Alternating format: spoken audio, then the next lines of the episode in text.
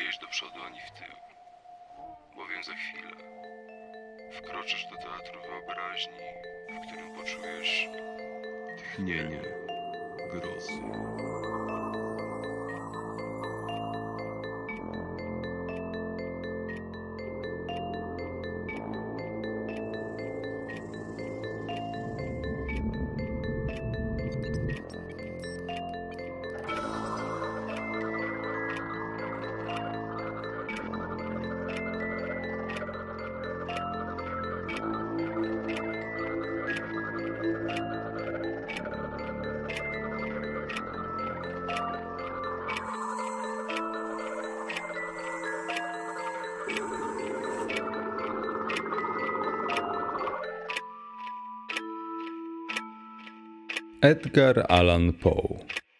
Prawdziwy opis wypadku z panem Waldemarem. Trudno, doprawdy, dziwić się temu, że nadzwyczajny wypadek, jaki się zdarzył panu Waldemarowi, stał się przyczyną sporów. Cud by to był, gdyby się stało inaczej, szczególnie w takich, a nie innych okolicznościach. Chęć wszystkich stron zainteresowanych dochowania sprawie tajemnicy, przynajmniej na razie lub do czasu pozyskania sposobności nowych badań oraz nasze ku ich uskutecznieniu wysiłki dały powód do rozpowszechnionych wśród ogółu nieuzasadnionych lub przesadnych pogłosek, które ukazując sprawę w świetle najdotkliwiej mylnym, stały się, ma się rozumieć, źródłem głębokiej niewiary. W chwili obecnej istnieje konieczność, abym podał fakty.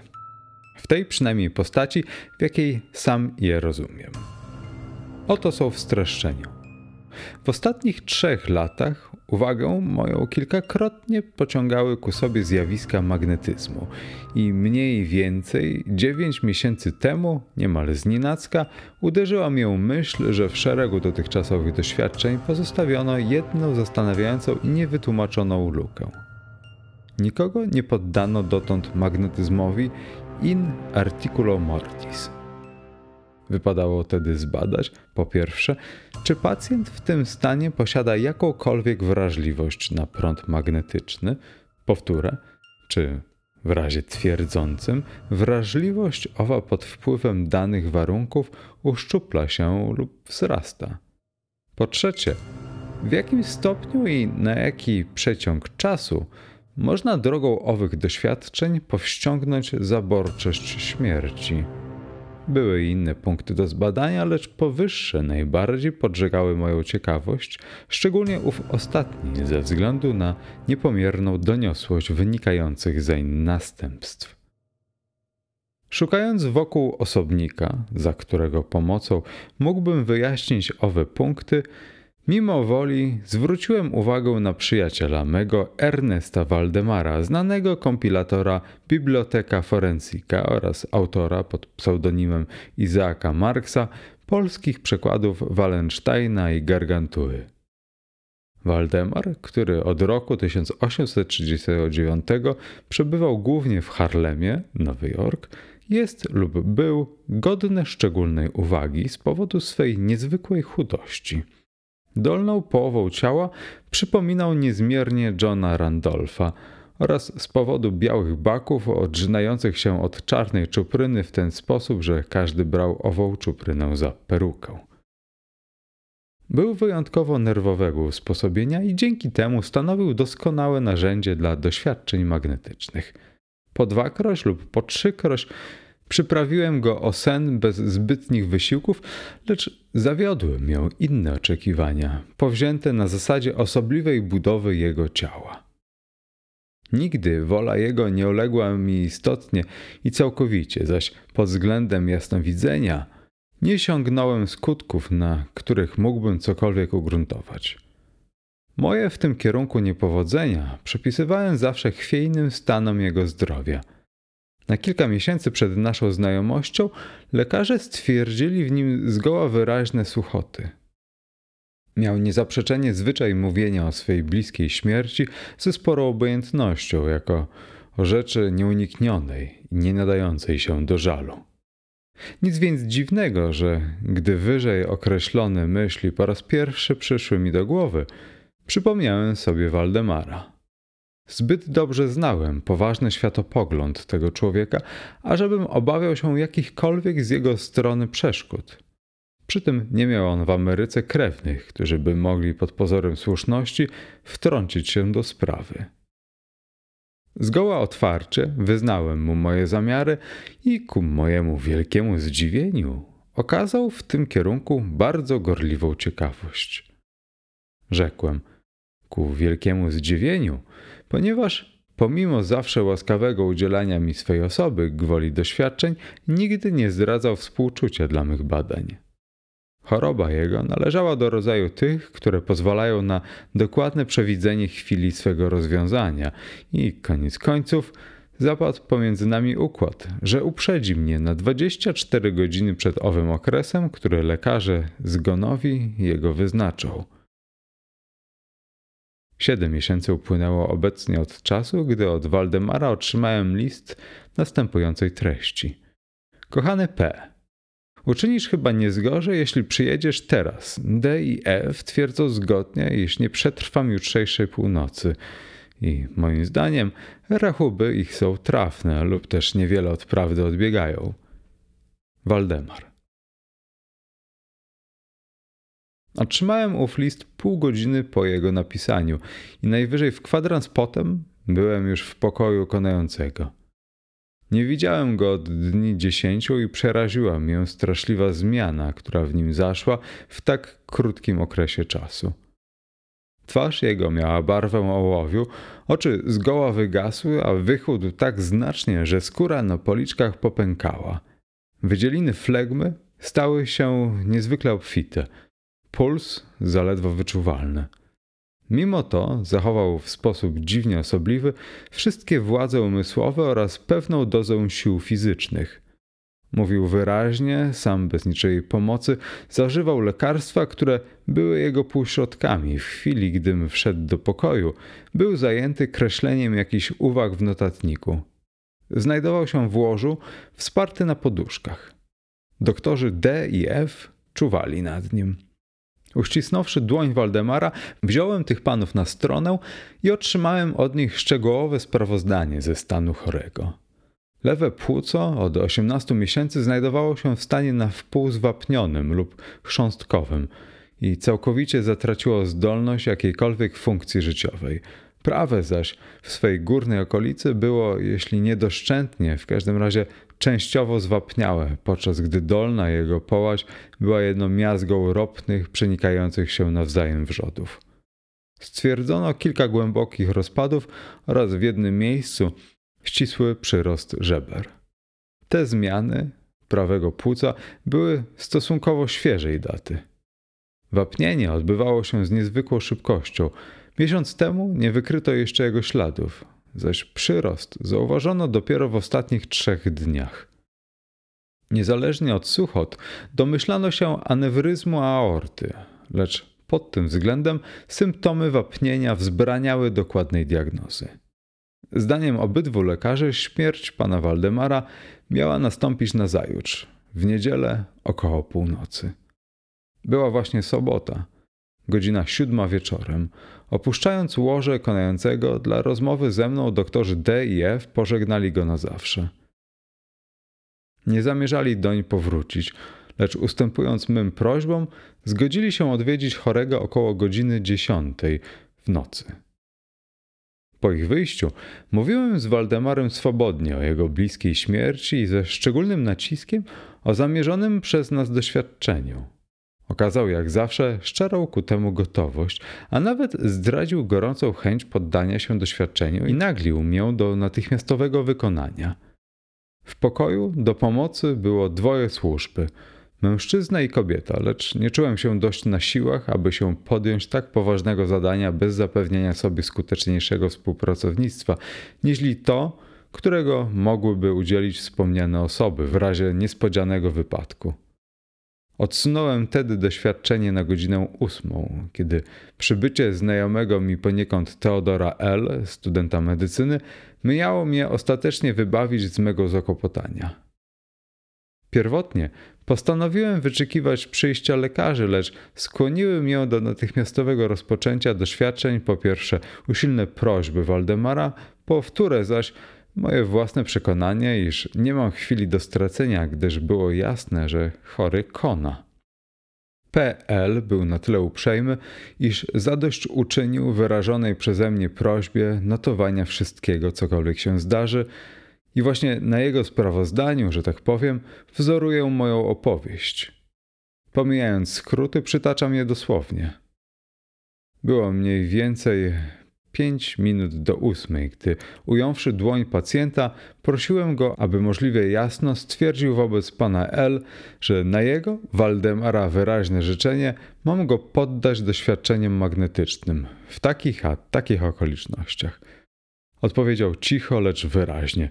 Tak, pragnę poddać się doświadczeniom magnetycznym. I natychmiast dorzucił: Obawiam się, nie bez powodu, żeś zwekał zbyt długo. Podczas gdy mówił, rozpocząłem ów rodzaj pasów, których skuteczność dla uśpienia jego osoby była mi już wiadoma. Pierwszy ruch mej dłoni przesuniętej po jego czole wywarł na nim wpływ widoczny, lecz pomimo zużycia całej mojej usilności nie osiągnąłem żadnego innego postrzegalnego skutku aż do godziny 10 minut 10, kiedy lekarze D i F przybyli zgodnie z umową. W kilku słowach wytłumaczyłem im moje zamiary i ponieważ nie czynili mi żadnych przeszkód, twierdząc, iż pacjent jest w okresie agonii, bez wahania trwałem nadal w swej czynności, zastępując wszakże pasy poprzeczne wzdłużnymi i skupiając wszystek mój wzrok w oku konającego. W tym czasie puls jego stał się niewyczuwalny, zaś oddech utrudniony i nacechowany półminutowymi przerwami. Stanów trwał kwadrans niemal bez zmiany. Po upływie tego czasu, wszakże z piersi konającego, wyrwało się jedno prawidłowe, chociaż straszliwie przepastne westchnienie i chrapliwość oddechu minęła, a raczej chrapanie stało się niesłyszalne. Przerwy nie zmniejszyły się. Kończyny jego ciała były zimne jak lód. O pięć minut do jedenastej zauważyłem nieomylne oznaki przemocy magnetycznej. Szkliste migotania oka przybrały mozolny wyraz spojrzeń do wewnątrz, które się zdarzają jedną w wypadkach somnambulizmu i co do których nie można się pomylić. Za pomocą kilku poprzecznych, szybkich pasów zniewoliłem powieki do drgania, które nas zazwyczaj przed snem nawiedza i przedłużając nieco tę czynność, zdziałałem, iż zamknęły się zupełnie. Nie poprzestałem na tym i nadal wykonywałem swe ruchy dosadnie i z bardziej natężonym wysiłkiem woli, aż całkowicie sparaliżowałem członki śpiącego, nadawszy im uprzednio wygodne według wszelkich pozorów położenie. Nogi były całkowicie wyprostowane wzdłuż. Ręce, z lekka wyciągnięte, spoczywały na łóżku w umiarkowanej odległości od bioder. Głowa była bardzo nieznacznie wzniesiona.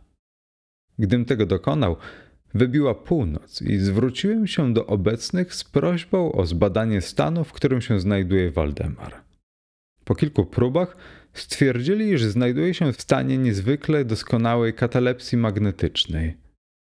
Ciekawość obydwu lekarzy wielce urosła. Doktor D postanowił niezwłocznie całą noc spędzić przy chorym, podczas gdy doktor F pożegnał nas, obiecując wrócić skoro świt. Pan L i służba zostali. Pozostawiliśmy Waldemara w całkowitym spokoju aż do godziny trzeciej z rana. Wówczas zbliżyłem się doń i znalazłem go ściśle w tym samym stanie, co w chwili odejścia doktora F. To znaczy, iż trwał w tej samej pozycji, iż miał puls niewyczuwalny, oddech słaby, zaledwo pochwytny. Dostępny jeno probierzowi, zbliżonego do ust zwierciadła, oczy zamknięte, a ciało sztywne i zimne jak marmur. Wszakże wygląd ogólny bez wątpienia nie był wyglądem trupa. Zbliżając się do Waldemara, zrobiłem coś w rodzaju półwysiłku, aby zniewolić jego prawą dłoń do stowarzyszenia się z moją. W ruchach, które z lekka kreśliłem ponad nim. Dawniej, próbując tych doświadczeń z chorym, nie osiągałem nigdy całkowitego skutku i doprawdy nie miałem nadziei, że tym razem uda mi się lepiej. Lecz ku memu wielkiemu zdziwieniu, dłoń jego powtarzała bardzo łagodnie, chociaż z lekka jeno kreśląc wszystkie dłonią moją wskazane kierunki. Postanowiłem narazić go na kilka słów rozmowy. Waldemarze, rzekłem, czy śpisz? Nie odpowiedział, lecz zauważyłem dreszcz w jego wargach i byłem zmuszony powtórzyć moje pytanie po dwakroć i po trzykroć. Za trzecim razem nieznaczne drżenie poruszyło jego ciałem. Powieki uniosły się same przez się, jak gdyby po to tylko, aby odsłonić białe pasmo ocznej gałki. Wargi poruszyły się leniwie i w zaledwo pochwytnym szepcie uroniły te słowa. Tak, śpię teraz. Nie budźcie mnie. Pozwólcie mi umrzeć w tym stanie. Dotknąłem ciała. Było sztywne jak w przódy. Dłoń prawa, jak przed chwilą, uległa wskazaniom mojej dłoni. Spytałem znowu śpiącego somnambulicznie: Czy zawsze czujesz ból w piersi, Waldemarze? Odpowiedź nastąpiła nie natychmiast, a była jeszcze mniej wyraźna niż pierwsza. Ból? Bynajmniej. Umieram.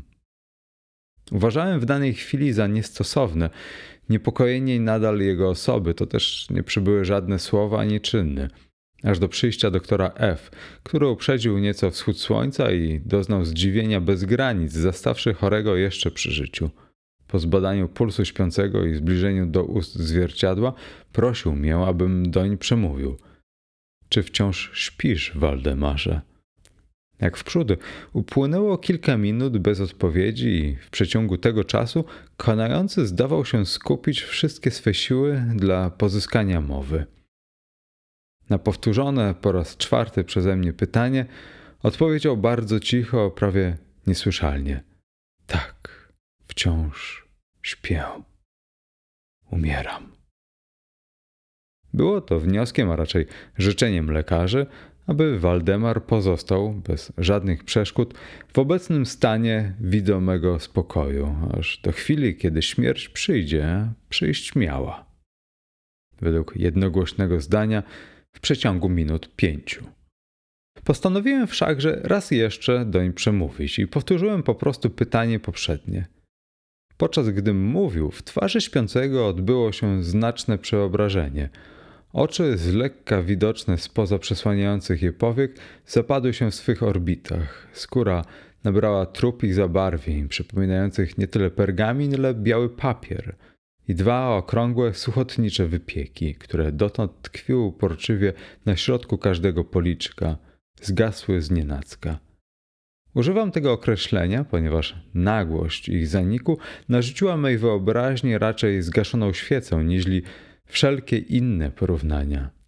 Jednocześnie górna warga skurczyła się uchodząc wzwyż ponad zęby, które przed chwilą szczelnie przesłaniała, podczas gdy dolna szczęka w pochwytnych niemal dla ucha podrygach opadła, pozostawiając usta w zupełnym rozwarciu i odsłaniając w pełni szczerniały i obrzmiały jęzor. Przypuszczam, iż wszyscy obecni oswojeni byli z okropnościami śmiertelnego łoża, lecz wygląd Waldemara był w tej chwili tak potworny, tak ponad wszelką wyobraźnię potworny, że wszyscy tłumnie cofnęli się precz od obrębu łoża. Czuję oto teraz, żem doprowadził moją opowieść do chwili, kiedy zbuntowany czytelnik odmówi mi wszelkiego zaufania. Mimo to, Uważam za swój obowiązek ciągnąć dalej opowieść. Zanikła w Waldemarze najsłabsza oznaka życia i sądząc, że umarł, poleciliśmy go opiece służby, gdy nagle sprężysta fala ruchu zaznaczyła swą obecność w języku. Trwało to zapewne jedną chwilę. Po upływie tego czasu, z wyważonych i znieruchomiałych szczęk, wypłynął głos. Głos taki, że próba określenia jego głosu byłaby szaleństwem. Są wszakże dwa lub trzy przymiotniki, które doń można w przybliżeniu zastosować. Oto mogę powiedzieć, iż dźwięk ów był ostry, poszarpany i stłumiony, lecz potworna jego całość wymyka się określeniom, a to z powodu, że nigdy dźwięki podobne nie dotykały swym rykiem ucha ludzkiego. Były wszakże Dwa szczegóły, którym, jak myślałem wówczas i myślę dotychczas, można było przypisać cechy charakterystyczne owego tonu i które zdolne były dać wyobrażenie o jego nieziemskiej poczwarności. Po pierwsze, głos zdawał się dosięgać naszych, a w każdym razie moich uszu, tak jakby wybiegał z niezmiernie odległej przestrzeni lub z podziemnej przepaści. Powtórę, obawiam się doprawdy nieuniknionej niezrozumiałości mych słów, wywierał na mnie takie wrażenie, jakie na zmyśle dotyku wywiera lepka lub galaretowata miazga. Mówię jednocześnie o dźwięku i o głosie. Otóż chcę zaznaczyć, dźwięk posiadał rozczłonkowanie wyraźne, a nawet straszliwie przerażająco wyraźne. Waldemar zdobył się na mowę, najwidoczniej odpowiadając na zadane mu przeze mnie kilka minut temu pytanie. Czytelnik sobie przypomina, że go zapytałem, czy śpi nieustannie.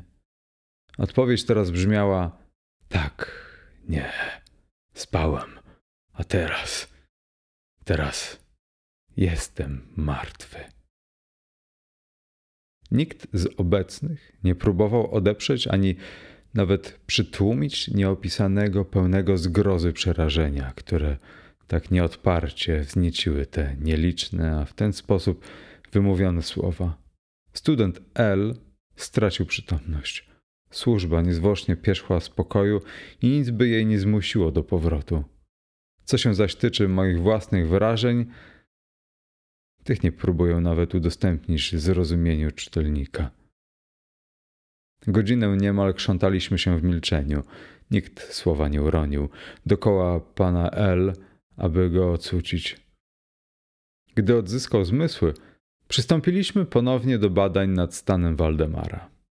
Stan ów pod każdym względem trwał w tej samej postaci, w jakiej opisałem go ostatnio, z tą jedną różnicą, że zwierciadło nie dawało już żadnej oznaki oddechu. Próba upustu krwi z ręki spełzła na niczym. Muszę też zaznaczyć, iż wspomniana część ciała odmówiła posłuszeństwa mej woli. Na próżno próbowałem zaprawić ją do powtarzania ruchów mej dłoni. Jedyna rzeczywista oznaka magnetycznego wpływu ujawniała się obecnie w ruchliwym trzepotaniu się języka. Ilekroć zwracałem się do Waldemara z pytaniem, zdawało się, że czyni wysiłek w celu odpowiedzi, lecz że akt jego woli nie jest dość trwały. Na pytania zadawane nie przeze mnie, jeno przez inne osoby, był bezwzględnie nieczuły. Chociaż starałem się nawiązać styczność magnetyczną pomiędzy nim a każdym z obecnych. Przypuszczam, że podałem teraz wszystkie wiadomości niezbędne dla zrozumienia w danym okresie stanu śpiącego snem somnambulicznym. Pozyskaliśmy innych pielęgniarzy i o godzinie 10 opuściłem mieszkanie w towarzystwie obydwu doktorów oraz pana L. W porze popołudniowej wszyscy ponownie odwiedziliśmy pacjenta. Stan jego był bezwzględnie jednaki. Wszczęliśmy spór na temat pomyślności i możliwości obudzenia go ze snu, lecz wkrótce przyszliśmy do zgodnego wniosku, iż w ten sposób nie pozyskamy żadnych pożądanych skutków. Było jasne, iż przemoc magnetyczna powściągnęła działanie śmierci lub tego, o czym zazwyczaj słowo śmierć napomyka. Stało się dla nas wszystkich oczywistością, iż obudzenie Waldemara byłoby po prostu stwierdzeniem jego zgonu lub przyspieszeniem śmiertelnego rozkładu. Od owej chwili aż do końca zeszłego tygodnia, mniej więcej siedmiomiesięczny odstęp czasu, Zbieraliśmy się codziennie w mieszkaniu Waldemara w towarzystwie innych jeszcze doktorów i znajomych. W przeciągu tego czasu śpiący trwał ściśle w jednakim opisanym już przeze mnie stanie. Dozór pielęgniarzy trwał nieustannie. W zeszły piątek Postanowiliśmy ostatecznie poddać go ocknieniu lub przynajmniej próbie ocknienia i właśnie opłakane zapewne skutki tej ostatniej próby dały powód do tych sporów wśród kół prywatnych oraz do tylu mylnych pogłosek, w których nie mogę się nie dopatrzeć w wyniku niczym nieusprawiedliwionej łatwowierności tłumu. Dla pozbawienia Waldemara katalepsji magnetycznej uciekłem się do zwykłych pasów. Przez czas pewien nie było żadnych skutków. Jedyną oznaką powrotu do życia był częściowy opad tęczówki. Zauważyliśmy jako zjawisko wielce odmienne, iż owej zniżce tęczówek towarzyszyły bardzo obfite widzieliny żółtawej wilgoci spod powiek o zapachu ostrym i niezmiernie przykrym. Wówczas poddano mi myśl wypróbowania mych wpływów magnetycznych na dłoni pacjenta, jak to uprzednio czyniłem. Jąłem próbować, lecz nadaremnie. Doktor F. wyraził życzenie, abym zadał pacjentowi jakiekolwiek pytanie. Uczyniłem temu zadość w sposób następujący. Waldemarze, czy możesz nas objaśnić, jakie uczucia lub pragnienia posiadasz obecnie? Tu nastąpił natychmiast powrót gorączkowych wypieków na policzki. Język drgnął lub raczej zakłębił się gwałtownie w jamie ustnej, chociaż szczęki i wargi zachowywały wciąż swój bezruch. I wreszcie ten sam straszliwy głos, o którym mówiłem, wyszarpnął się stamtąd. Na miłość Boga! Prędzej, prędzej! Pogrążcie mnie we śnie lub prędzej zbudźcie mnie. Toć mówię wam, że martwy. Byłem do głębi wstrząśnięty i przez chwilę wahałem się, co mam czynić. Zrobiłem zrazu wysiłek, aby uspokoić pacjenta, lecz nie osiągnąwszy w tym kierunku skutków dla zupełnego braku woli, odwróciłem zamiar i starałem się co prędzej obudzić go ze snu. Postrzegłem wkrótce, lecz ten zamiar uwieńczy się zupełnym triumfem lub raczej roiłem, iż mój triumf będzie zupełny jestem pewien, iż wszyscy obecni spodziewali się ocknienia śpiącego. Lecz żadna istota ludzka nie mogła się spodziewać tego, co się w rzeczywistości zdarzyło. Wybiega to poza wszelką granicę prawdopodobieństwa, gdym szybko czynił pasy magnetyczne wśród okrzyków martwy, martwy, którymi po prostu bluzgał język, nie zaś wargi śpiącego. Całe jego ciało od razu w przeciągu minuty lub mniej niż minuty obluźniło się. Rozpadło się na źdźbła, doszczętnie zgniło mi w rękach, na łożu, w oczach wszystkich obecnych. Leżała wstrętna, na wpół płynna miaska. Coś w rodzaju potwornej zgnilizny. Tłumaczył Bolesław Leśmian. Muzyka Dark Fantasy Studio i Jacek Brzezowski. Czytał Jacek Brzezowski. Cześć, tu Jacek. Jeśli spodobało Ci się Tchnienie Grozy i lubisz historię oraz gry fabularne, a może chcesz się nimi zainteresować, to zapraszam Ciebie na swój drugi podcast 6, 10, 12. Pisane osobno cyframi jako 6, odstęp 10, odstęp 12 do znalezienia na YouTube oraz Spotify, a także innych platformach. Zapraszam serdecznie do słuchania.